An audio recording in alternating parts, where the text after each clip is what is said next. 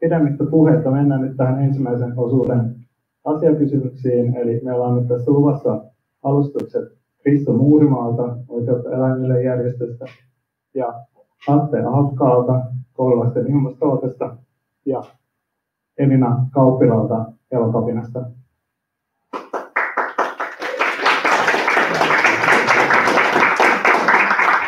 Ja nämä alustukset kestävät aluksi 15 minuuttia kukin ja sen jälkeen meillä on varattu 15 minuuttia paneelikeskusteluun ja lopuksi puoli tuntia yleisökeskusteluun.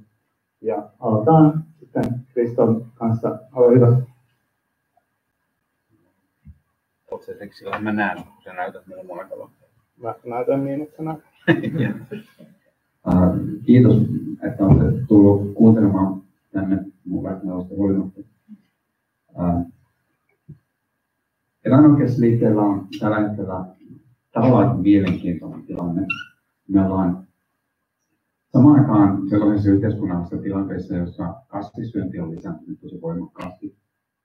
Voidaan puhua jopa vegaanipuumista, jokainen tietää, miten, miten tota, paljon erilaiset kasvissyönnin muodot on lisääntynyt, miten paljon erilaisia uusia vaihtoehtoja on saatavilla ihmisille, jotka haluaa ryhtyä kasvissyöjiksi samaan aikaan ihmisten tietoisuus siitä, että ensinnäkin minkälaisissa oloissa eläimiä kasvatetaan, on lisääntynyt. Me ollaan nähty uudestaan ja uudestaan kuvien suomalaisesta eläintuotannosta, joka todistaa, että me ei ole sellainen eläinten liitukonto kuin mitä aikaisemmin on ollut. Haluttu ajatella kuvia, jotka haastetaan meidän kulttuurisen käsityksen siitä, miten Suomessa pidetään eläimiä ja käy ikään kuin sellaista niin vasta jotenkin määrittelykamppailua lihateollisuuden, maitoteollisuuden mm, markkinointia vastaan.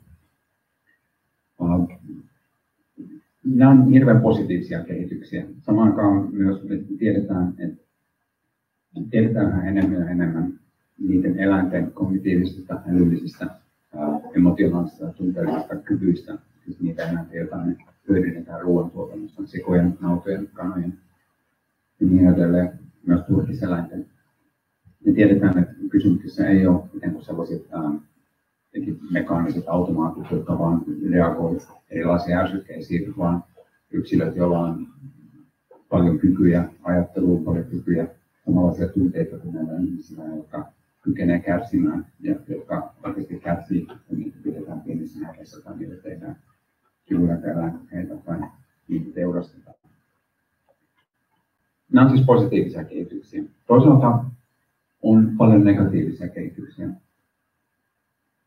Tehotuotanto, joka voi sanoa, että on alkanut tässä muutaman viimeisen vuosikymmenen aikana, ehkä lähtien kiihtyen siitä, että Euroopassa on sovittu yhteistä maatalouspolitiikkaa, tarkoitus on ollut vähentää alkutuotannosta ja elantosta saavien ihmisten määrää on johtanut sellaisen nopeisen kehitykseen, jossa tilakoot on kasvanut valtavasti, toisin sanoen yhdellä tilalla on yhä enemmän ja enemmän eläimiä. Nyt vaikkapa 200 000 kannan trailerihallien melko tavanomainen näky. Aikaisemmin tällaista eläinmääristä ei puhuttu. Myös ähm, eläintuottajien mahdollisuudet, minkälaisen pientuotantoon on taloudellisesti hävinnyt. Ja tuottajapuolella valtavat taloudelliset paineet tehostaa sitä tuotantoa. Nyt jos rakennetaan vaikkapa sikala, niin 3000 sijan sikala ei ole taloudellisesti kannattavaa, vaan pitää, pitää ottaa esimerkiksi 5000 sikaa.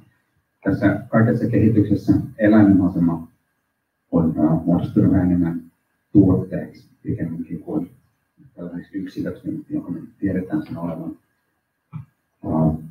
Tuotteeksi, jonka arvon määrittää tietynlainen liiketalouden logiikka sellaisten perinteisten maaseudun elämänmuotojen sijaan. Ja jos sen elämän arvo on, on esimerkiksi turkistarhauksen tapauksessa konkreettisesti se määrä euroja, miten sieltä kyetään tekemään. Nämä ihmisten lisääntyvä tietoisuus, lisääntyvä välittäminen, niin sanottu eläinrakkaus, lisääntyvä ää, tietoisuus siitä, miten eläimiä kasvatetaan, muodostaa tietynlaisen aika vahvan ristivedon sen kanssa, mitä eläimille konkreettisesti tapahtuu.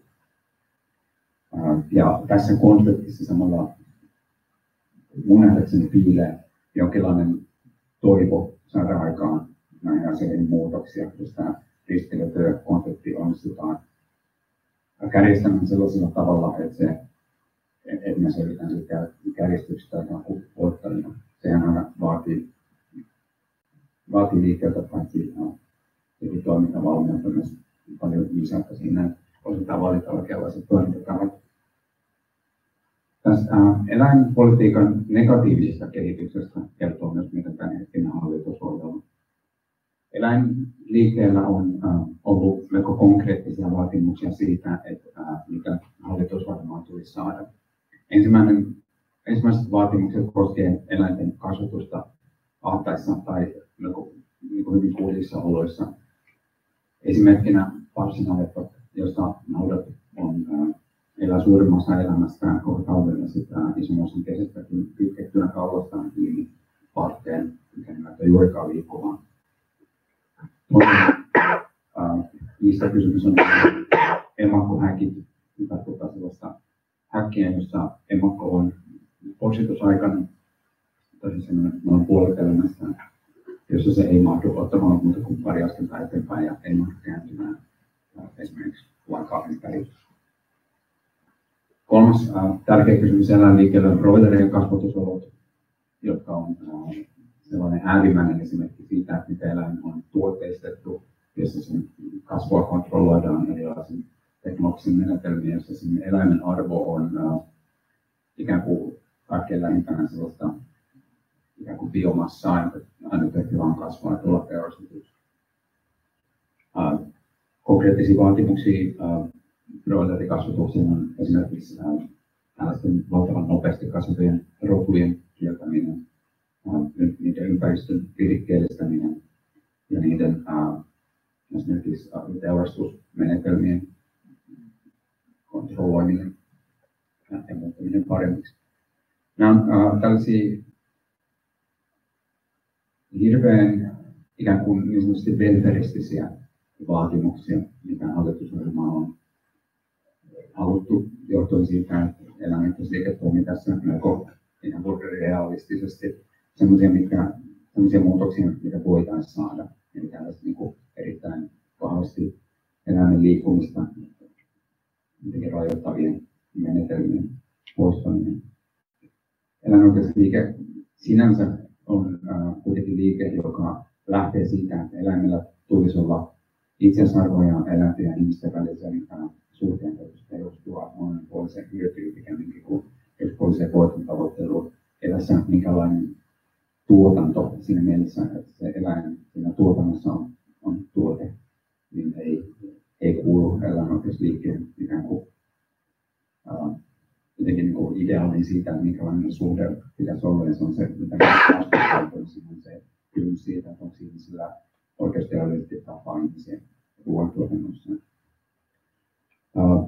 Meidän vaatimuksia on myös, no sanoin tänään siis sen takia, että että vaaka-eläinoikeusliikkeellä on tällaisia tavallaan niin kuin melko syvälle meneviä kritiikkejä ihmisten ja terveellistä suhdetta kohtaan, niin meidän hallituksen politiikka on kuitenkin realistinen. Siihen kuuluu uh, myös tietynlaisten uh, vahvaa kipua aiheuttavien menetelmien kieltäminen, kuten pikkuporsaiden kastraatio, ilman kivulievitystä, turkistarhauksen kieltäminen, päivänselvä asia. Uh, hallitusohjelmassa nyt vaaditaan, että tai ehdotetaan sellaista, että kalataloutta kehitetään ja edistetään ja niin voimaperästetään, mutta siinä ei ole minkäänlaista mainintaa siitä, että miten eläinten hyvinvointi, näiden kalojen hyvinvointikysymyksiä otettaisiin huomioon.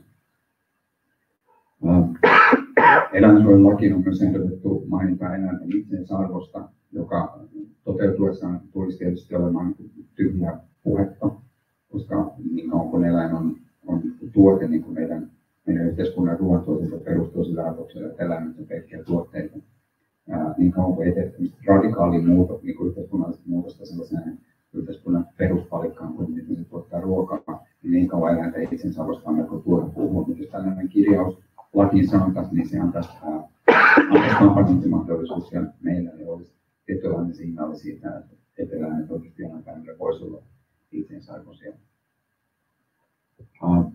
hallitusohjelma on muodostunut tässä oltiin tilanteessa, jossa eläin, eläinten hyvinvointiin edistyksellisemmin suunta, suhtautuvat puolueet, lähinnä vihreät ja vasemmistoliitto, oli saanut vaalivoiton ja oltiin toiveikkaita sen suhteen, että sinne voitaisiin saada tiettyjä osia näistä kirjauksista hallitusohjelmaa.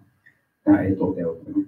Näyttää siltä, että ainut puolue, jolla eläinsuojelukysymys oli millään tavalla kynnyskysymys hallitusneuvottelussa oli keskusta. Ja sen kynnyskysymys oli se, että eläinsuojelu ei millään tavalla edistetä. Tämä on johtanut siihen, että meillä on tällä hetkellä eläinsuojelu, siis hallitusohjelma, jossa eläinsuojelu mainitaan. Jossa eläinsuojelusta on eniten, enemmän puhetta kuin oikeastaan koskaan aikaisemmin, mutta se kaikki puheen tarkoitus valitettavasti on, on se, on varmistaa, että mitään edistystä ei tapahdu. Ne sellaiset positiiviset maininnat, joita hallitusohjelmassa on eläinsuojelussa, niin on sellaisia, jossa se keinovalikoima on se, että selvitetään, että olisiko jonain päivänä mahdollista tehdä näin, tai esimerkiksi emakonatista luopuminen, tai olisiko näitä selvityksiä, että selvityksiä todennäköisesti ei tehdä niin nopeasti, joten niistä olisi sitten mitä ulkoa eteenpäin tämän hallituskauden aikana. Tässä oli meidän keskeiset uh, ongelmat hallitusohjelman kanssa no, niin kuin, ikään kuin reaalipoliittisessa mielessä. Se, mitä me pyritään vaikuttamaan näihin, on ensinnäkin julkisen paineen luominen. Oikeastaan eläimelle järjestö jotenkin on profiloitunut eläinten olojen paljastajana. Me ollaan hyödytty useita sellaisia kampanjoita, joissa on käyty salakuvaamassa eläinten, eläintilojen oloja ja tuotu se julkisuuteen dokumentoitu, että niitä esimerkiksi broileritilalla näyttää käytössä Ja nämä jatkuvasti nostetaan kansainvälisiä kohuja, joiden äh, ehkä tärkein saavutus on ollut se, että äh, eläinasioista on alettu puhua paljon enemmän kuin aikaisemmin ja koko eläinkysymyksen poliittinen arvo, ensimmäisen jonkinlainen yhteiskunnallinen status on noussut huimasti siitä ajasta, kun tämä toiminta alkoi. Eläinten hyvinvointikysymykset on, on ikään kuin tullut julkiseen keskusteluun, tullut myös erilaisia esimerkiksi niin yritysvastuukysymyksiin ja tullut, tullut monen sellaisen paikkaan, missä mitään aikaisemmin puhuttu. Tämä julkisen paineen luominen ja julkisen keskustelun kautta asioiden edistäminen on siis ensimmäinen toimintatapa. Toinen toimintatapa äh, on yrityskampanjointi. Äh, me ollaan onnistuttu saamaan häkkikananmunien myynti loppumaan Suomessa käytännössä, käytännössä suurilta osin. Kaikki suomalaiset äh, esimerkiksi vähittäistavarakaupat, monet hotelli- ja ravintolaketjut ja niin edelleen on sitoutunut luopumaan häkkikananmunien myynnistä. Tämä saattaa vaikuttaa melko triviaalilta tavoitteelta, koska vapaan kananmunan, niin sanottu vapaan kananmunan kasvatusolot ei ole niinkään kovin ruusuiset, mutta jotta saataisiin saataisi poliittisia systeemitason muutoksia, niin pelkästään sellaisia, joissa ää, ikään kuin eläinten pahoinvointi on pittiputaan muun syy, niin ää, me tarvitaan tällaisia niin konkreettisia muutoksia ja lakiin saatavat muutokset, kirjaukset ja hyvinvoinnista on yksi sellainen. Nyt kun äh, häkikananmunia ei juuri missään enää kuuluteta, niin on paljon suuremmat mahdollisuudet saada häkikanalla kiellettyä, koska ei ole sitä taloudellista painetta enää pitää yllä tällaista toimintaa kasvatusmuotoa. Se, äh, tällainen niin kuin, äh, ikään kuin konkreettinen rakenteellinen kysynnän muuttaminen on meillä, meillä nyt ollut valtavan tärkeä toimintatapa. Kolmas toimintatapa on liikkeen luominen ja katutoiminta. Ja me järjestetään erilaisia mielenosoituksia, järjestetään erilaisia, ää, erilaisia kampanjoita, joissa vaikutetaan vaikka sosiaalisen median kautta, ää, vakuuttaa no, kadulla, tuodaan julkisuuteen näitä ihmisten nähtäville näitä kuvia eläintuotannosta pyritään nostamaan esille keskusteluun eläinten arvosta. Oliko aika siinä? Ei ole. Minuutti. No. Sä saat yhden minuutin lisää. Olette sinne päin. Joo, kiitos Kristo ja seuraavaksi Atte. nyt. Joo. Eli kun mä oon tosiaan näitä koululaisten ilmastolakkoja Suomessa aika paljon järkkäily. Mä en näkisi, kun paljon puhutaan siitä, että nuoret on joku tämmöinen niin uusi sukupolvi ja astunut esiin tällä näin niin kuin hienoa tällainen. On se sillä tavalla hienoa, että nuoret ovat niin kuin nousseet esiin, mutta mä en pitäisi nuoria mitenkään erityisen niin kuin viisaana tai parempana sukupolvena kuin edelliset. Meillä ei yksinkertaisesti enää ole vaan vaihtoehtoa olla tekemättä mitään. Kun niin yhteiskunnallisella tasolla edelliset sukupolvet on vielä voineet sysätä ilmastotoimet seuraaville sukupolville, että ei meidän vielä tarvitse, kyllä tässä on vielä aikaa. Ja kumminkin parikymmentä vuotta tiede on ollut aivan selvää. Me ollaan tiedetty, että ilmastonmuutos on vakava uhka, asioita on tehtävä nyt, ja silti mitään ei ole tapahtunut. Niin nyt vihdoin tässä Greta Thunbergin aloittava koululakkoliike on vaan sanonut sei, on sanonut seis, että nyt me ei voida enää jatkaa näin, ja aikuisten on kannettava vastuunsa ilmastokriisin pysäyttämisessä. Silti, vaikka nyt meillä on ollut miljoonia nuoria lakkoilemassa 15.3. miljoona nuorta, ja nyt tuossa pari viikkoa sitten ollut ilmastoviikko, niin seitsemän miljoonaa ihmistä osallistui mielenosoituksiin viikon aikana.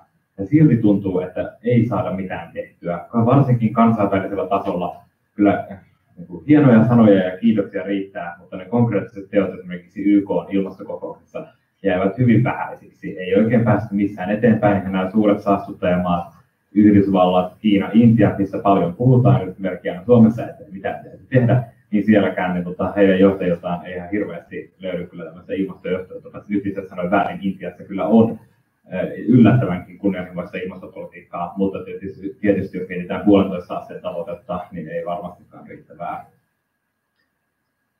Ja sitten mun mielestä niin kuin aika hyvin kertoo tästä tilanteesta, että ylipäänsä että mun täytyy olla täällä puhumassa. Että mä oon vaan jokinlainen teini, mä haluaisin lukea jotain skipikirjoja kotona tai katsoa elokuvia kavereiden kanssa, ja sitten mun täytyy olla melkein joka viikko osoittamassa mieltäni tai puhumassa tapahtumista, reissata koko ajan. Et mun mielestä niin nuorilla on kaikki oikeus ja niin kuin kuuluukin tulla kuulluksi ja osaksi päätöksentekoa, mutta se, että meillä on tämmöinen niin kuin pakottava tarve taistella perusoikeuksistamme elinkelpoisen planeettaan, ja että aikuiset ovat jättäneet meidät yksin tässä niin kuin viime vuosina, niin se on mun mielestä äärimmäisen väärin. Ja kumminkin tässä se muutos on joka tapauksessa tulossa, että niin, tota, mielestäni on mielenkiintoista, että aina puhutaan, valitetaan, että asiat muuttuu niin nopeasti, että en mä halua luopua siitä tai tästä.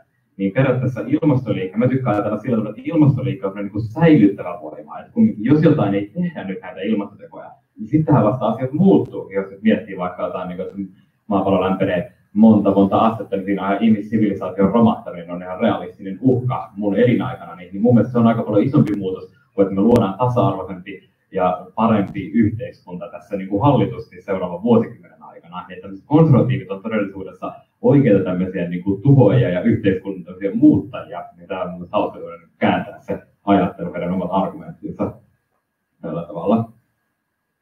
Entä sitäkään mä oon kirjoitellut.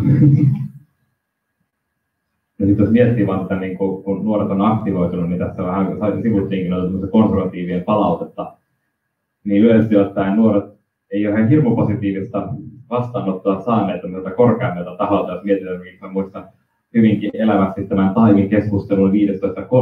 ja muistan joku toimittaja puhui, että miksei, miksei nuoret istuta Taimia, kun vaan osoittavat mieltään.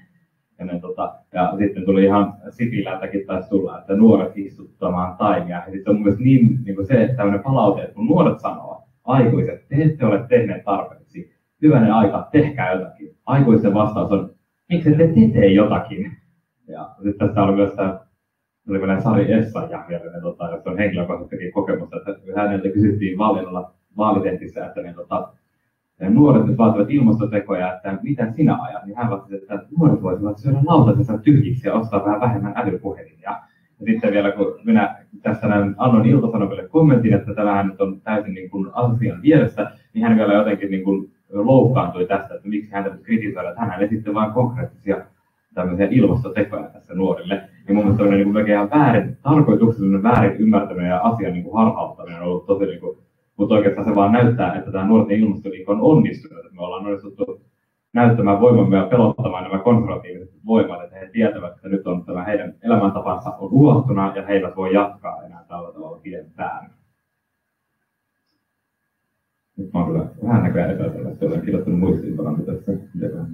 No, puhutaan sitten ilmastoahdistuksesta, missä paljon puhutaan. Että niin kun, mä näkisin, että ilmastoahdistus on hyvin niin vähän kaksipiippunen juttu. Että toisaalta on tosi huonoa ilmastoahdistusta, semmoista niin lamaannuttavaa, että jos sä vaan ajattelet, että mitään ei ole enää tehtävissä, ilmastotuho tulee, apua, kamalaa ja meitä jonnekin sängyn alle vaan makaamaan siellä niin, tota, odottamaan maailmanloppua, niin sitten ei saada mitään ainakaan tehtyä, jos kaikki ajattelee sillä tavalla. Mutta mitä esimerkiksi mulla tuli, niin tota, suunnilleen vuosi sitten alkoi kehittyä niin kuin voimaannuttavaa ilmastoahdistusta sillä tavalla, että sulla niin kuin, sä niin kuin ymmärrät nämä niin kuin faktat ja otat ne huomioon, ja sitten se niin kuin, tulee sellainen kamala ahdistus, että nyt niin kuin, asiat on väärin, jotain pitäisi tehdä. Eli sulle itselle tulee sellainen olo, että sulla on niin kuin, pakko lähteä toimimaan. Esimerkiksi niin kuin, mun aktivismi lähti ihan vaan suoraan siitä, että mun oli pakko saada mun ilmastoahdistusta jotenkin niin kuin, käsiteltyä ja päästä siitä eroon. Nyt patoutui niin paljon siinä viime joulun alla. Ja mä haluan, että se alkoi niin kuin, omaa mielenterveyttä, niin, niin tota,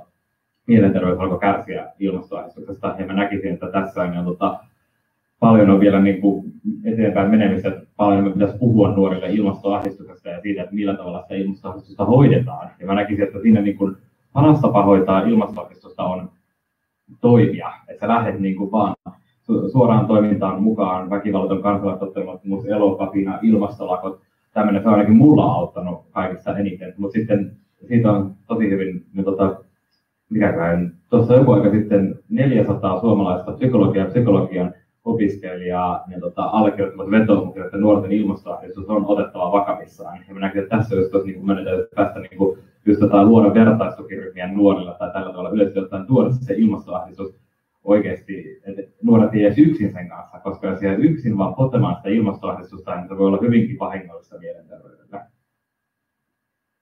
Ja sitten tässä niin, tota, vielä päättäjällekin se ilmastoahdistus ei todellakaan hoideta sillä tavalla, että ei puhuta nuorille ilmastonmuutoksesta, paljon on nähty sillä tavalla, että ei nyt pitäisi, että ei pelotella niitä liikaa, ettei ne ahdistu sitten, niin mä näkisin, että tässä niin kuin se, että meille kerrotaan ilmastonmuutoksesta, ei ahdista meitä. Se, että ilmastonmuutos tapahtuu, ahdistaa meitä. Niin kaikilta paras keino tietysti ilmastoahdistusta olisi hoitaa, että pysäytettäisiin ilmastonmuutos puolentoista asteeseen ja alettaisiin ajaa konkreettista kunnollista ilmastopolitiikkaa mikä tosiaan ei ole kyllä hirmu hyvin. Nyt poliitikot vaikka paljon on nähty, että tuetaan ilmastolakkoja, niin silti ei ole saatu tällaista kunnollista ilmastopolitiikkaa edes Suomessa eteenpäin. Tästä munkin haluaisin lukea tässä nyt 15.3. ensimmäisen kansainvälisen ilmastolakon vaatimukset Suomessa. Ensimmäinen vaatimus. Päättäjien tulee kantaa vastuunsa lämpenemisen pysäyttäminen alle puolentoista asteeseen on luvattu, mutta toistaiseksi ei juurikaan osoitettu ymmärrystä vaadittujen toimien mittakaavasta. Valtioiden ja yritysten on aloitettava radikaalit päästövähennykset, koska yhteiskunnan on muututtava kaikilla sen osa-alueilla. Tarvitsemme muutoksen pois talouskasvukeskeisestä yhteiskunnasta ja hiilipäästöjen nollaamisen vuoteen 2030 mennessä. Järkevän ilmasto- ja ympäristöpolitiikan toteuttamisen päävastuuta ei voi siirtää yksityishenkilölle, eikä yritysten yhteiskuntavastuut saa perustua vapaaehtoisuuteen. Toinen vaatimus. Oikeudenmukainen siirtymä pois fossiilitaloudesta. Meidän on turvattava kehittyvien maiden mahdollisuus nostaa elintasoaan ja länsimailla on varakkuutensa vuoksi mahdollisuus vähentää päästöjään kehittyviä maita nopeammin. Perinteisen teollisuuden ja muiden alojen, joiden muuttuminen hiilineutraaliksi on vaikeaa tai mahdotonta, työntekijöille on taattava oikeus uudelleen koulutukseen ja työllistymiseen. Julkista liikennettä tulee kehittää niin, että vähäpäästöinen liikkuminen helpottuu erityisesti maa- ja syrjäseuduilla. Päästövähennyksissä täytyy toimia saastuttaja maksaa periaatteen mukaan, jolloin päästövähennykset eivät kohdistu epäreilusti vähempiosaisiin. Ilmastonmu- kolmas vaatimus. Ilmastonmuutoksen vastaisessa taistelussa on kuunneltava tiedeyhteisöä. Ilmastonmuutoksen pysäyttäminen täytyy päät- Ilmastonmuutoksen pysäyttämisessä täytyy päättäjien ottaa nykyistä selvemmin huomioon tieteellinen tutkimustieto. Tarvittava tieto ja teknologiat päästöjen vähentämiseksi on jo olemassa. Niiden välitön käyttöönotto on ilmeinen ensisijaisella kohti hiilineutraalia yhteiskuntaa. Mikäli tarpeellista tutkimustietoa ei ole, on sen tuottamista tuettava. Myös järjestelmälliset ja riittävät panostukset lupaavien, mutta ei vielä laajalti käyttövalmiiden teknologioiden kehittämisen ovat päättäjien vastuulla. Ja jos miettii hallitusohjelmaa, niin silloin kun keväällä se julkistettiin ja mä luin sen, niin niistä tavoitteista mä olin aluksi kyllä iloinen. Me oltiin saatu selvästi kiristettyä Suomen hiilineutraaliustavoitetta ja siellä oli ihan hyviä tavoitteita. Sitten tietysti jos miettii keinoja, niin ne eivät ole kovin lupaavia. Mutta mä ajattelin, että nyt kun meillä on nämä kovemmat tavoitteet, niin sitten on helpompi vaatia hallitukselta näitä toimia. Mutta niin kuin nyt on budjetin aikana muutenkin tullut selväksi, niin hallituksesta ei selvästi löydy tällaista tahtoa edes niin tota, kansalaisen painostuksella näihin niin tota, toimiin, esimerkiksi juuri turpeen tai hakkuiden osalta, jotka valovat Suomelle tällaisia kipupisteitä tässä ilmastonmuutoskeskustelussa.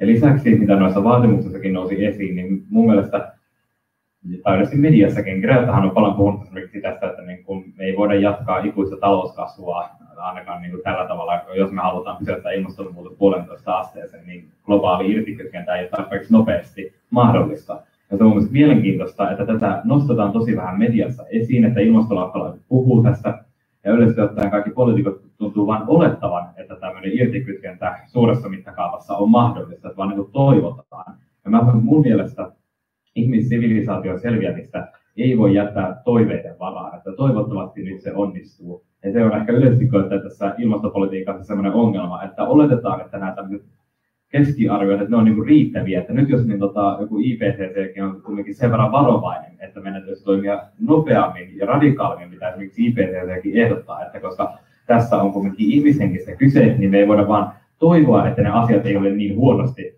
mitä ne voi olla, vaan meidän pitäisi mennä kaikista niiden niin kuin, huonompien ennusteiden mukaisesti toteuttaa ilmastopolitiikkaa, koska sitten, jos tässä tehdäänkin sellainen virhearvio, että oho, lämperi, lämperi nopeammin mitä luultiin, että nyt parisataa miljoonaa ilmastopakolaista ja globaaleja talouskriisejä, että voi voi, niin meillä ei ole siihen varaa. Niin tässäkin on sellainen niin kuin epäkohta huomattu. Ja nyt jos palaan vielä sitten tähän Suomeen, niin totta, paljolti, me ollaan nyt EU-puheenjohtajamaa, luvailtiin ilmastojohtajuutta, että se on yksi Suomen puheenjohtajakauden kärki ajatuksia ja ilmasto huippukokouksesta puhuttiin. Nyt ei ole ilmastohuippukokousta tulosta, enkä ole hirveästi kyllä huomannut Suomen korostavan ilmastoa, ilmastonmuutosta ja sen torjuntaa EU-ssa, vaikka meillä mahdollisuuksia on ollut. Niin tässä periaatteessa kun paljon puhuttu se turve, että siinä nyt on niin resursseja tai tällaisista kyse, niin tämä ilmastojohtajuus se olisi vaatinut vain tahtotilaa. Eli sitä tahtotilaa puhua asioista ei tunnu löytyvän, niin tässä ei hirveän positiivinen kuva ole nykyhallituksen toiminnasta kanssa kansainvälisessä ilmastoyhteydessä. Samoin mä näkisin, että YK on ilmastohuippukokouksessa me oltaisiin vielä enemmän voitu vaatia muilta tekoja ja olla siellä näkyvämmin esillä, mitä oltiin. Eli tästäkin niin kuin ilmastojohtajuudesta ja EU-puheenjohtajakaudesta ilmastoveivi on mun mielestä aika hyvä esimerkki, että he lähtivät ajamaan tämmöistä adressia ja niin kuin ilmastojohtajuutta EU-puheenjohtajakaudella hyvin perinteinen vaikuttajakampanja, että ne tota, kävivät loppaamassa ja ihmisiä ja ne tota, keskustelivat ja somekampanjoita tällä tavalla, hyvin perinteinen vaikuttamiskampanja. Ja nyt esimerkiksi ihan pari päivää sitten ilmastoveivin perustaja Laura Kolehmainen kirjoitti hyvin koskettavan blogikirjoituksen siitä, että nuoret on vieläkin jätetty yksin ja että hän ei enää luota tämmöiseen rakentavaan positiiviseen niin kuin vaikuttamiseen, koska se ei selvästi ole tarpeeksi toimivaa, kun meillä on näin vähän aikaa. Ja siinäkin yleensä tämä ilmastonmuutoskeskustelu tulee tähän, että jotenkin meillä on pakkomiele, että kaiken täytyy olla tosi positiivista ja että puhutaan mukavasti. Ja aina jos on joku haastattelu, että haetaan tämmöistä positiivista näkökulmaa tähän, niin tämä on myös niin, niin kuin vakava globaali kriisi, että tämmöiset koko ajan, että niin kuin, sekin on myös niin kuin piilottelu, että ei hyväksytä sitä, kuinka suuri uhka ilmastonmuutos ja ilmastokriisi oikeasti on, vaan halutaan peitellä sitä tällaisen, että niin, tota, kierrättäkää ja älkää ostako muovipillejä, että jotenkin näillä on oikeasti jotain vaikutusta, vaikka oikeasti meidän täytyy sitten panikoida ja vaatia nopeita rakenteellisia yhteiskunnallisia muutoksia. Ja 15.3. varten tehdyn kansainvälisen avoimen kirjeen mukaisesti olette pettäneet meidät aiemmin. Jos petätte meidät vastaisuudessakin, me nuoret teemme muutoksesta totta itse. Maailman nuoret ovat nyt liikkeellä, emmekä me aio lopettaa. Se on vielä aikaa. Sulla on minuutti, jotta hänet. Siinä on se minuutti nyt sulle. Kiitos Atte ja seuraavaksi Elina. Joo, kiitos. Atte kyllä vei tosi paljon sanoja suusta, mutta, mutta ehkä mä voisin sanoa, että että mua vituttaa ihan sikana. Ja jotenkin haluaisin sanoa sitä, että mä oon siis elokapinasta, eli Extinction Rebellion Finlandista, ja ää, mä haluaisin ehkä eniten purkaa sellaista ajatusta, että osa meistä on aktivisteja ja osa ei. Ja mä haluaisin, että mä ajattelen, että elokapina on niin kuin epätoivon ja toiminnan liike, joka syntyy muun muassa siitä, että aikuiset on säilyttänyt vastuun nuorille. Ja on niin täysin kiistämättä, niin todella konservatiivisetkin tahot sanoo, että me ollaan aivan kusessa. Että, että niin kuin 200 vuotia kuolee sukupuuttoon päivässä ja että, että mitä sitten kolme viikkoa sitten, kun tuli se IPCC-osaraportti meristä ja jäätiköistä, että meret lämpenee 40 prosenttia nopeammin kuin mitä tutkijat vielä viisi vuotta sitten arvioi. Ja minusta on aivan niin psykoottista, että me, meidän yhteiskunta jatkaa toimintaa samalla tavalla. Että et, et autot ajoaa edelleen. Mun mielestä on jotain niin ihan sellaista niin oikeasti todella, todella jäljitöntä. Ja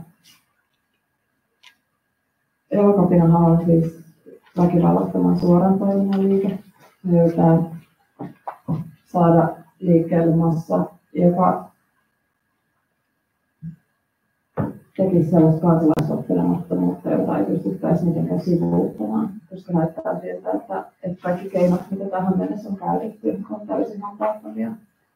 Että meidän hallitus niin kuin, niin kuin vaalien jälkeen oli tosiaan jonkin aikaa vähän sellainen, että olisiko tässä nyt jotain. Ja on käynyt tosi hyvin ilmi, että ei ole. Että hallitusohjelmassa kartoitetaan ja selvitetään ja tutkitaan asioita. Ja tällaiset vaivaa niin meidän poliittista järjestelmää, että kartoitetaan ja selvitetään. Eikä tehdä konkreettisia toimia. Um, mun mielestä on kuvaavaa se, että tutkija tohtori Janne Korhonen on sanonut, että yksilövalinnat vähän niin kuin siirtelisi kansituolia Titanikin kannella. Ja, ja mun mielestä on kuvaavaa se, että mä sanoin mun puolisolle toisessa päivänä, kun mä aamulla lähdettiin, että, että saavuttaa valot, jos se pelastaa maailman, ja nyt molemmat tavattiin nauraa. Ja on pakko nauraa, koska muuta itkettäisiin. Mä ajattelin, että mä kertoisin vähän siitä, että mitä elokatina, mitä me ollaan tehty ja minkälaisia periaatteet meillä on jo ihmiset vaatimuksista. Ja mä ehkä voisin ensimmäisenä sanoa siitä, että, me ollaan muun muassa järjestetty ilmastotyöpajoja, joissa tutkija, kirjailija Pano Pihkala, joka on siis ympäristöä ja ilmastoahdistusta tutkinut, niin on sanonut, että, että siihen ahdistukseen auttaa ainoastaan toiminta. Ja sen takia mä tavallaan niin toivoisin kauheasti, että kaikki niin ahdistuisi, tai en mä tarkoita niin tätä semmoisen, niin kuin, että toivoisin, että kaikki olisi mielenterveydellisiä ongelmia, vaan mä yritän olla silleen, niin kuin tosi sensitiivinen sen suhteen, vaan tarkoitan sitä, että mä olen oikeasti liemessä, että tämän asian pitää koskea kaikkia. Ja että meidän pitäisi niin ryhtyä sellaiseen yhteisön toimintaan, mitä ei ole ehkä ennen nähty. Ja, ja että tota, just kun sanoin siitä, että mä haluaisin purkaa sellaista ajatusta, että osa näistä aktivisteja, niin kuin mun mielestä on tosi vaarallista ajatella, että ylipäätään jotenkin yhteiskunnallinen toiminta olisi osa tarpeilla. Se on mun mielestä vähän niin kuin ajaminen tähän vielä.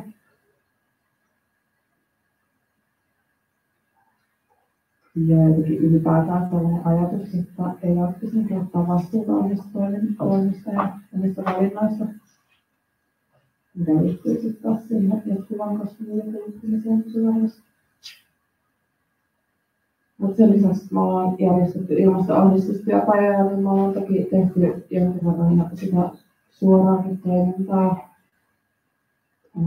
Järjestetty joitakin katublokkauksia ja eilen Tampereen elokapina blokkasi Koskikeskuksen, siis kauppakeskuksen sisäänkäynnin ja sitten me, sellainen pieni joukko meitä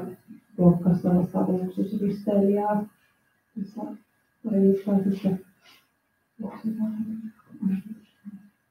ja sitten oli seuraavana päivänä katublokkaus ja mun ystävä Leon Nersierin kanssa elokateassa niin kuvasi tosi hyvin sitä, että miten me ajatellaan, että tämä homma voisi toimia, kun hän sanoi, että, että kun me tehtiin se kajakkiaktio, missä me sen julkisuustelijat eteen menettiin, niin siinä meitä oli yhdeksän meillä jo.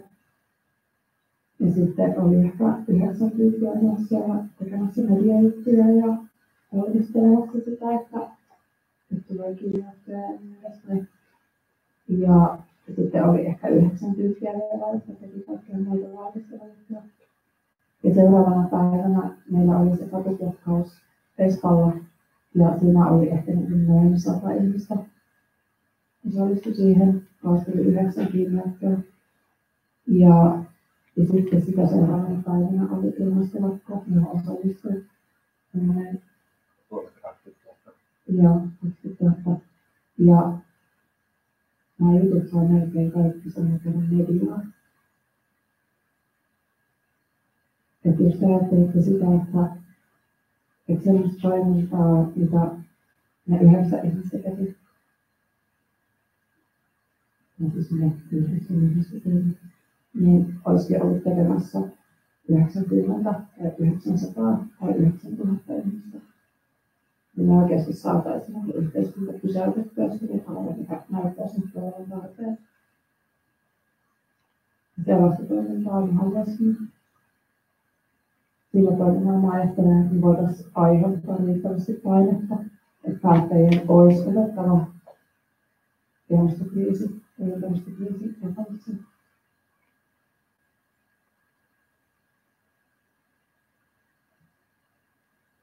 Mä puhun tästä asiasta ihan sikana. Mä puhun tästä julkisesti, mä pidän puheita ja, ja mä puhun tästä niin en sen takia, että mä jotenkin kiinnostaa sitä asiaa, mitä mä niin kiinnostaa, niin on sellainen kiinnostus kumpuaa siitä, että mulla on kaksi lasta, joiden tulevaisuuden puolesta mä pelkään ihan sikana. Ja sen takia, kun mä puhun tästä, niin mua alkaa tosi usein itkettää. Niin, ja se on todellinen tunne, sellainen kauhu siitä, että mitä on lasten tulevaisuuden käy. Ja sitten lisäksi, että meillä ei olisi lapsia, niin mä ajattelen, että meillä on myös vastuulla kaikista muista elollisista olennoista.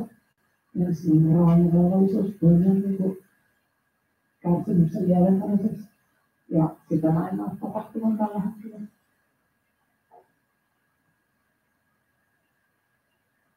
Nyt mä ajattelin, että mä kerron näistä meidän arvoista ja toimintaperiaatteista, että me ollaan Eli äh, elokapinahan on sillä tavalla jännittävä liike, että meillä on kymmenen arvoa ja toimintaperiaatetta, ja kuka tahansa, joka allekirjoittaa ne arvot ja toimintaperiaatteet, saa kutsua itseään elokapinaksi.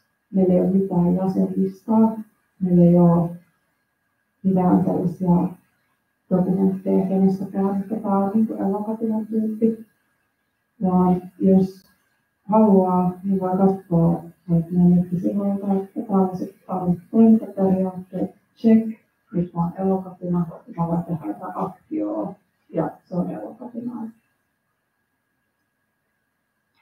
Ja nämä arvot on sellaisia, että ensimmäinen on, että, että me jaetaan näkemys siitä, minkälainen muutos on tarpeellinen. Ja se on, että me halutaan sellainen maailma, jossa tulevatkin sukupolvet voi elää. Toinen on, että me ajatellaan, että tämä on välttämätöntä, mitä me tehdään. Ja se, mikä on välttämätöntä, on se, että me yritetään mobilisoida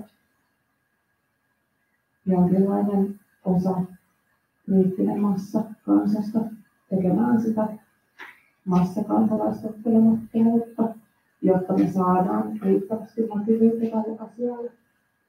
Me saadaan mediaa ja me saadaan aiheutettua taloudellista painetta, pysäytystä yhteiskunnalle ja päättäjät tarttumaan näihin asioihin vakavasti. Kolmas arvo ja periaate on, että me halutaan luoda uusiutuva kulttuuri. Itse ajattelen, että tämä tarkoittaa sellaista kulttuuria, joka ei ainoastaan kestävä, vaan se on uusiutumiskykyinen. Ja että se koskee niin sekä ajatusjärjestelmiä, yhteiskuntajärjestelmiä, sitä miten me ollaan suhteessa luontoon ja noihin eläimiin, niin kuin Kristo kuvasi.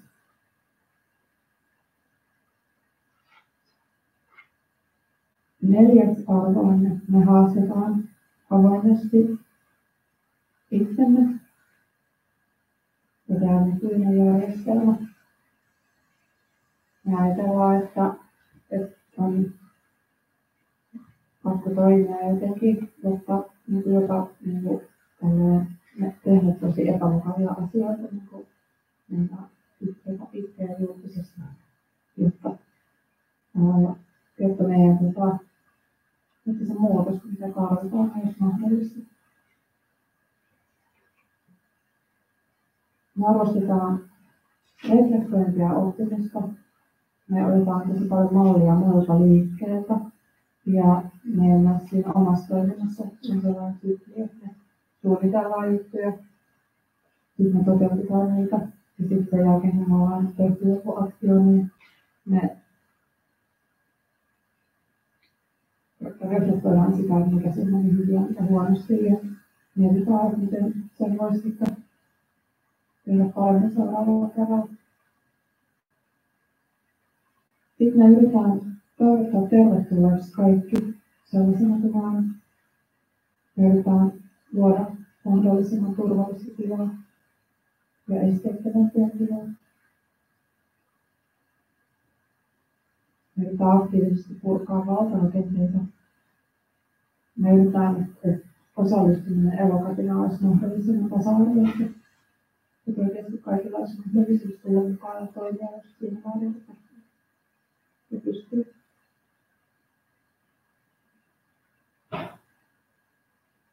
Me vältetään syyllistämistä ja häpeän tuottamista. Ja se liittyy siihen, että me ajatellaan, että jokainen meistä on tämän järjestelmän lapsi. Ja se vika on meidän yhteiskunnassa, eikä niinkään yksilössä. Me ollaan väkivallaton verkosto ja me käytetään väkivallatonta strategiaa vuorovaikutusta ja taktiikoita. Ja sitten lisäksi meidän toiminta perustuu autonomiaan ja hajauttamiseen, niin kuin mä sanoin, niin pienet ryhmät on itsenäisiä ja, ja me ajatellaan, että sillä, että me ollaan tällainen autonominen tai autonomisten osaston, osaston verkosto, niin me ollaan joustava ja muutoskykyinen ja Rebellion on niin lähtöisin Briteistä, mutta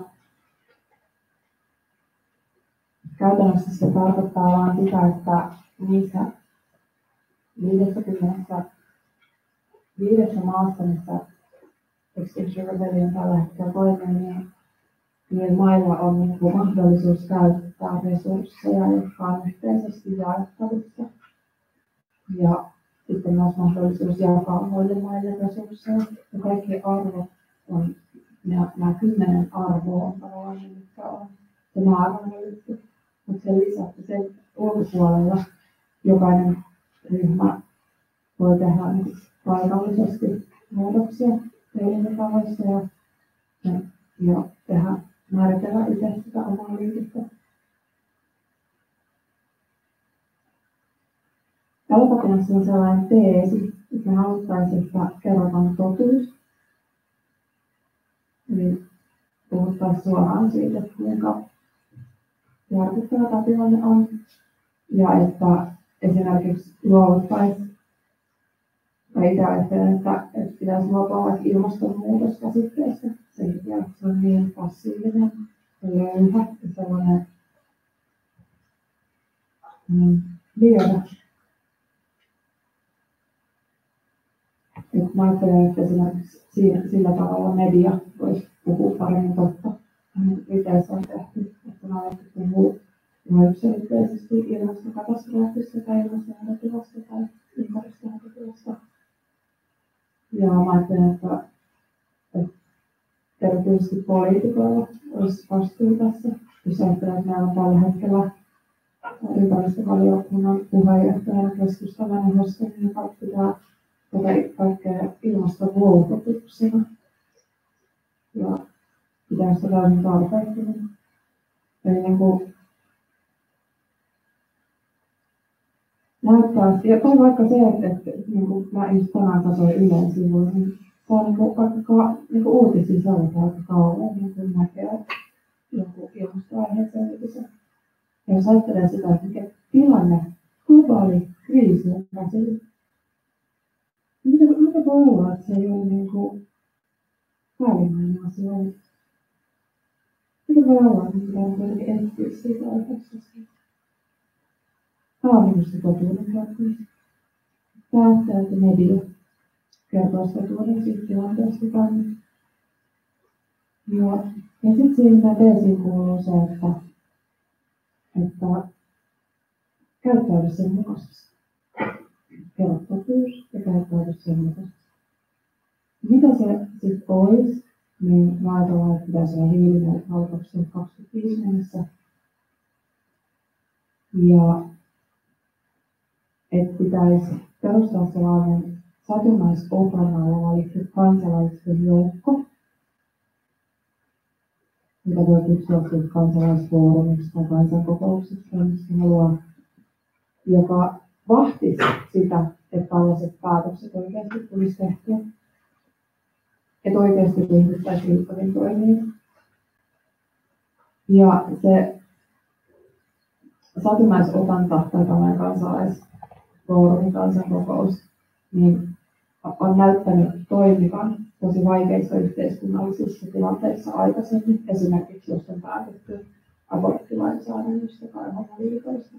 Eli just sellaisissa tilanteissa, joissa kansa on aika kahtia jakautunutkin, ja on paljon kuunneen ja niin se on näyttänyt toimivan.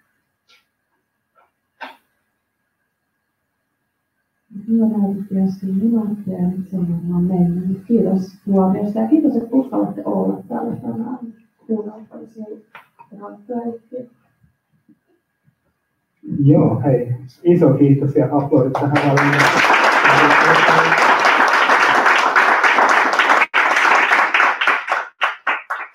Eli äh, tervetuloa kaikille, jotka saavuitte tässä alustusten aikana. Eli me ollaan tässä ulkoparlamentaarinen toiminta tapahtuman ensimmäisen osion eläinten oikeudet ja ilmasto puolivälissä.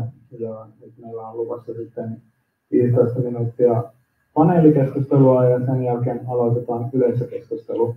Ja tässä jotenkin Aten puheessa jo vähän sivuttiin sitä, että mitä niin kuin yksilö voi tehdä, niin haluaisitteko te vähän avata, koska niin kuin tavallaan tämän niin kuin tapahtuman yksi pointti on että ihmiset, jotka pitää näitä kysymyksiä tärkeinä, niin voisivat tulla myös mukaan toimintaan. Niin haluaisitteko avata niin kuin, paitsi niin kuin, oman ryhmän tai järjestön näkökulmasta, mutta myös yleisesti niin kuin, sillä omalla asialueella sitä, että mitä sellainen ihminen, joka pitää näitä asioita tärkeänä ja haluaisi lähteä toimimaan niiden puolesta, niin minkälaisia niin kuin, mahdollisuuksia hänellä on, minkälaisia konkreettisia askeleita hän voi ottaa, että hän pääsee mukaan toimintaan. Niin aloitetaan tässä vaikka niin kuin, samassa järjestyksessä kuin aikaisemmin, eli Kristofen, ole hyvä.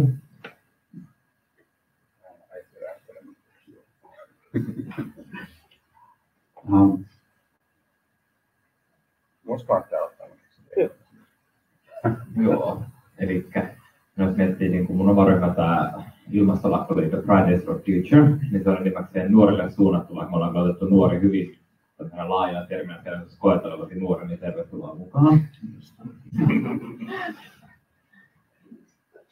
niin, mutta tällä niin me nyt, meillä on, yritetään pitää, varsinkin nyt aletaan, meillä on vähän sellainen mielenkiintoista että me aloitetaan sellainen sisäinen organisoituminen on nyt alkamassa, että me ollaan oltu aika vähän niin kuin vaan epämääräinen joukko nuoria, jotka on pitänyt mielenosoituksia, niin me yritetään nyt vähän sellainen niin olla sitten organisoituneempi liike nyt sitten jatkossa, niin meillä on tulossa tämmöisiä uusia iltoja ja ilmastoaktiivisuuden nuorille tulossa lähiaikoina. Ja ne tota, sellaisia niin kuin vaan, että tulee näihin meidän tapahtumiin ja sitten meille myös voi laittaa viesti, meillä on meille oikein mitään hirmuisia niin kuin, rakenteita tai sieltä meillä vaan pistää viestiä, että haluaa tehdä, niin meillä kyllä päättää. niin, tota, ei ole sillä niin kuin, haluaa toimintaa mukaan, niin kannattaa vaan olla itse aktiivinen, jos miettii niin yleisesti ottaen niin kuin ehkä ilmastoliikettä ja nuorten ilmastoliikettä. Mä näkisin, että tässä niin kuin parhaita asioita, mitä voi tehdä, on lähteä mukaan mielenosoituksiin, lähteä oikeasti mukaan toimintaan. Ihan sama, mikä se sun ryhmä sitten on, että onko se joku perinteisesti järjestö, onko se just Fridays for Future, elokapina vai ihan vaan, että sä itse vaan toimit sen puolesta, niin mä näkisin, että niin kuin, sen esiin tuominen, sen, niin kuin nyt sen totuuden kertominen on tosi tärkeää.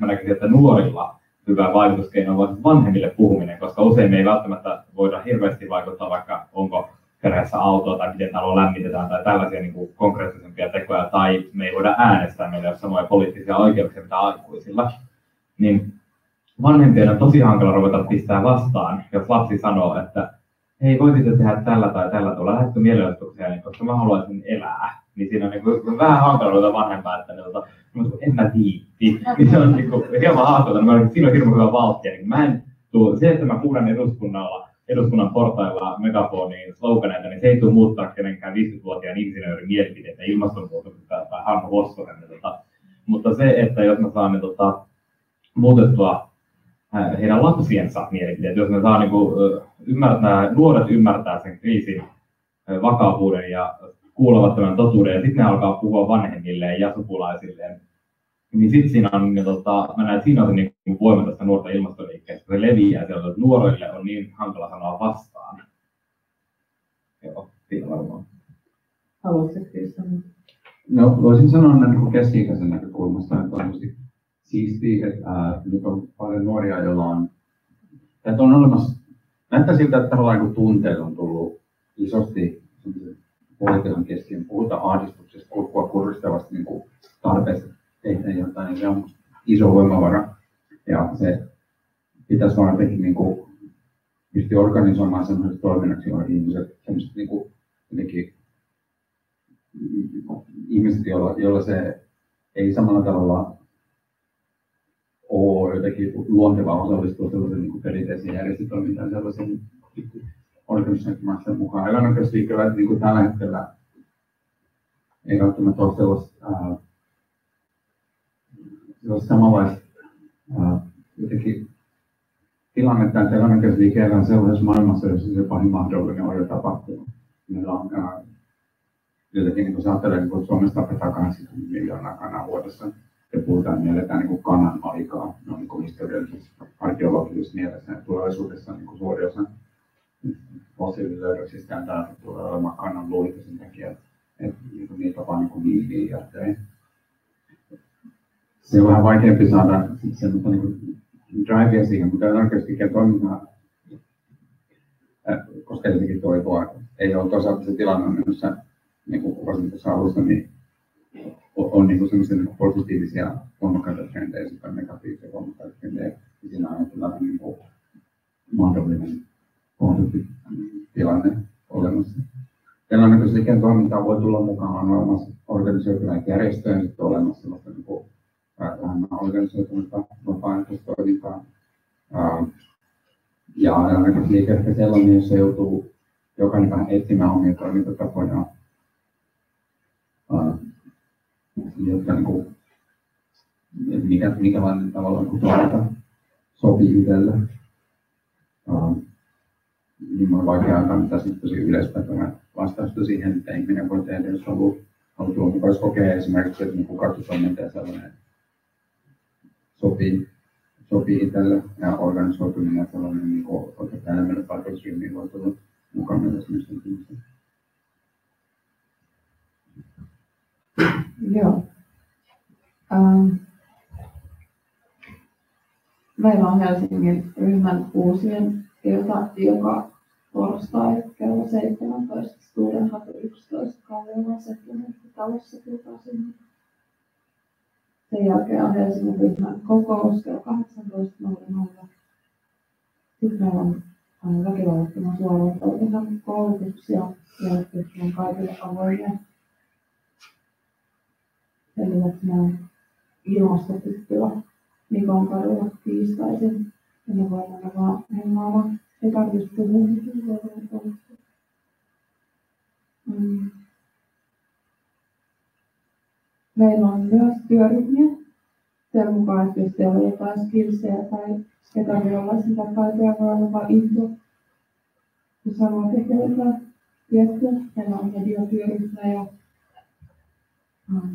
aktivismi, työryhmä, meillä on uusiutuvan kulttuurin työryhmä, meillä on mm, yhteisö- ja kasvutyöryhmä, jossa yritetään saada lisää ihmisiä mukaan. Meillä on talon, laki, infra. Jos teillä on jotain, mitä te osaatte tai jotain, mitä teitä kiinnostaa, niin olette todella tervetulleita. Meidän nettisivuilla on kaikkia erilaisia sähköpostiosoitteita, joihin voi laittaa viestiä tai sitten voi tulla sanoa mulle, vaikka heti tai heti. Joo. Kiitos. Haluaisi joku vielä täydentää vai mennäänkö seuraavaan? Joo, eli toinen pointti, mikä tässä tapahtumassa on, on se, että niin kun olisi pyrkimys myös sitten löytää jonkinlaisia niin kuin yhteyksiä ja liittolaisuuksia sitten näiden eri liikkeiden välillä ja mitä ikinä sitten ovatkaan, niin voitte se sitten niin kuin omasta näkökulmasta hieman visioida, että minkälaista, niin kuin, minkälaisia asioita niin kuin nämä kaikki eri järjestöt ja ryhmät ja verkostot voisivat sitten niin kuin tehdä yhdessä ja niin kuin minkälaisia niin kuin mahdollisuuksia voisi olla yhteistyöhön. Ja ihan vapaasti voi kuka haluaa aloittaa. No mä ehkä ajattelen, että mahdollisuudet on niinku rajattomat, että niinku jotenkin semmoisesta sekä semmoista resurssien jakamisesta, että niinku ihan siihen, että, että niinku saataisiin väkeä kadulle, koska se on tietenkin se niinku mua kiinnostaa tosi paljon. Ja ajattelen, että, että meillä on niin paljon yhteisiä nimittäjiä, että, että niinku, ja mä jotenkin on viime vuosina ollut, mä olen aika pitkään ollut järjestöissä mukana, niin on ollut näkeminen ja huomaaminen niin sellaista, että ei ole enää sellaisia, että tämä on tämä, mikä me ollaan ja toinen toiminta teo, on, niin nähdään näitä mahdollisuuksia ja nähdään yhteistyö sellaisena, että joka joo, tehdään sitä. Ja nähdään niin kuin myös se, että tietenkin nämä jutut on niin kuin massiivisuudessa niin kauhistuttavia niin kuin Kristuksen sanotus. Että et, niin kuin, ei ole mitään, että mä en jotenkin pysty ylittää se, että, että, että ollaanko se nyt niin kuin yhtään järjestön alla. Mulle itse asiassa ei ole kauhean niin kuin, tärkeää se, että onko mä elokatina paljon, kun mulla ei ole ilmasta järjestö, vaan mulle on tärkeää, että sieltä asioita tapahtuisi.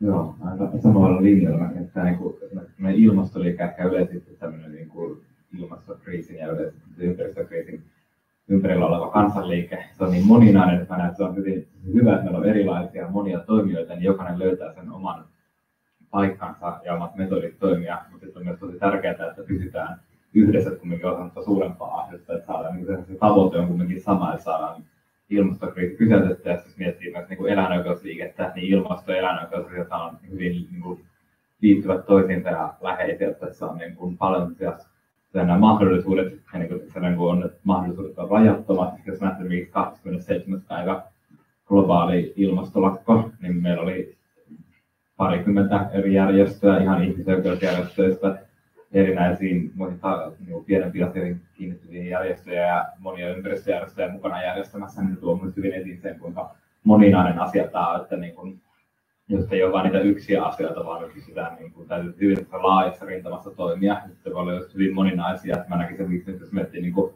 Fridays for Futurein näkökulmasta, niin kuin, niin kuin nuorten ja vanhempien kohtaminen, kun tässä paljon puhutaan tämmöistä niin kuin sukupolvien välisestä epäoikeudenmukaisuudesta, niin siinä voisi olla tämmöisiä mahdollisuuksia näyttämisen nuorten ja vanhempien kohtaamisia tai sellaista.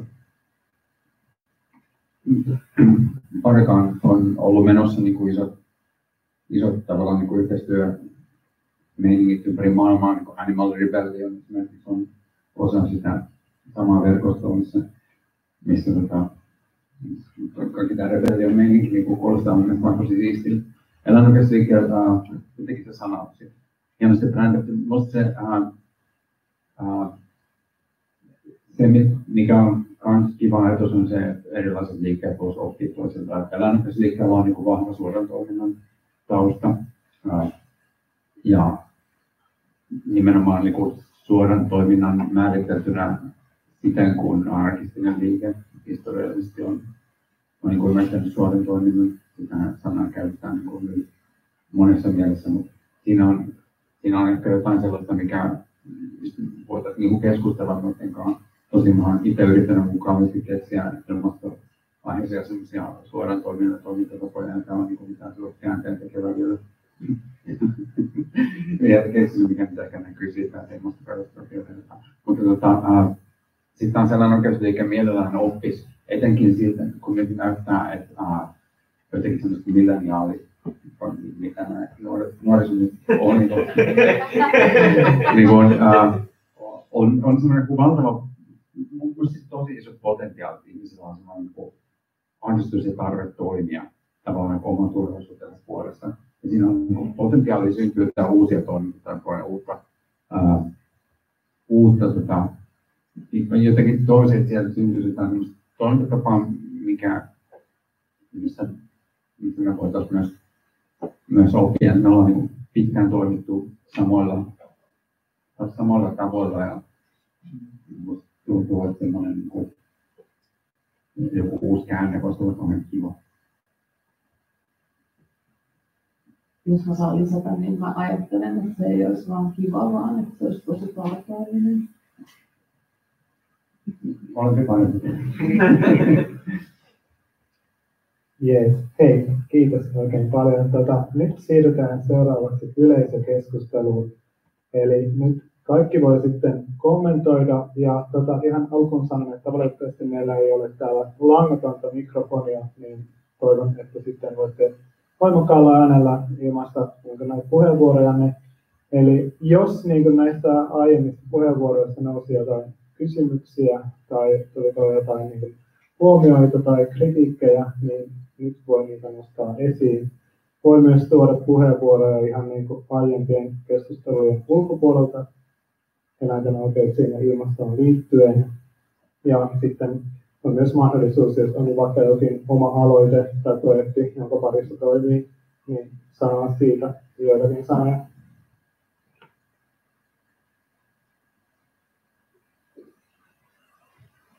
Joo, Janne, ole hyvä. Mm.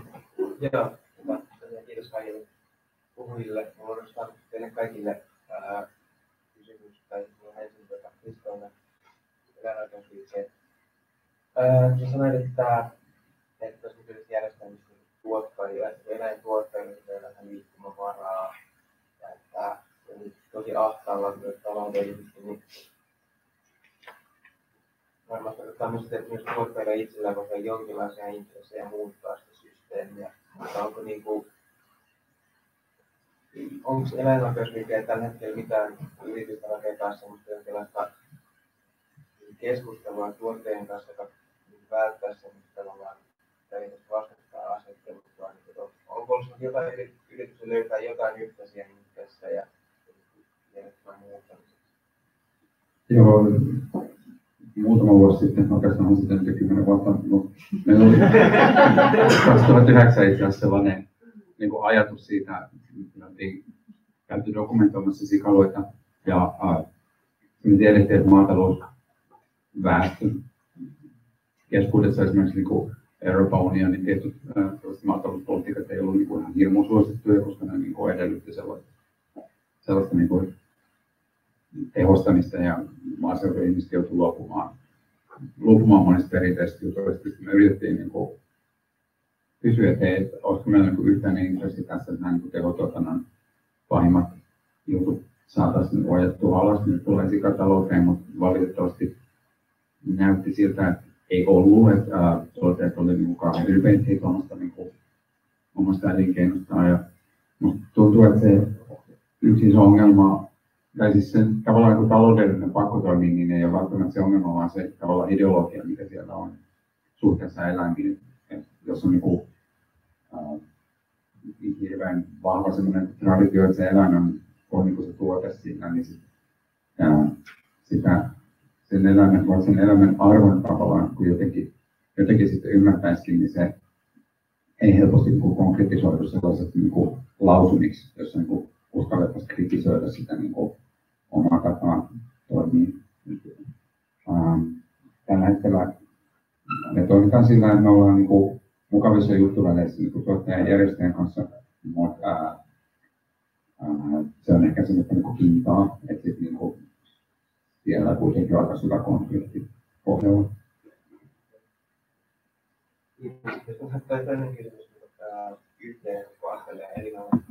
Tämä on laaja ja vaikea kysymys, hän on valmis vastaus niin tuota, mä vaan sille huomannut, että kiinnostaisi ilmastoliikennessä on se tietynlainen paradoksi tai ristiriita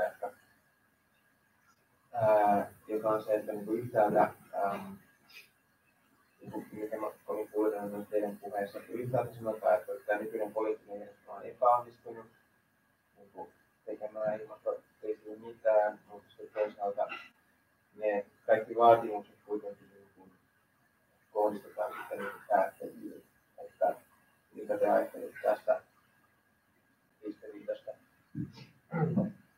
Mä ajattelen, että me tarvitaan kyllä niin kuin järjestelmän muutos. Ja näen tuon ristiriidan, mistä nyt puhuit. Elokapina on antikapitalistinen liike, eli jo siinä niin tavallaan näkyy se, että, että me halutaan muuttaa niin meidän koko talousjärjestelmä. Ja mä ajattelen, että ne vaatimukset, mitä osoitetaan päättäjiä kohtaan nyt johtuu siitä, että meillä ei ehkä ole aikaa nyt ensin niin kuin olla silleen, että mitäs yhteiskuntajärjestelmä me nyt tässä ketsottaisiin.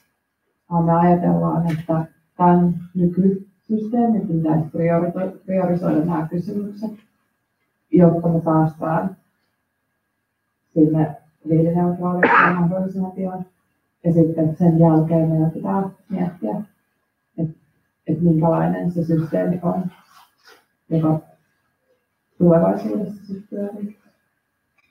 Joo, mä mietin olla linjalla, että mäkin olen paljon miettinyt tätä just samaa, että niinku, se aikajänne usein myös unohtuu ilmastokeskustelussa, varsinkin jos niinku mediassa tai poliitikkojen kesken puhutaan, että meillä on oikeasti niin järkyttävä kiire.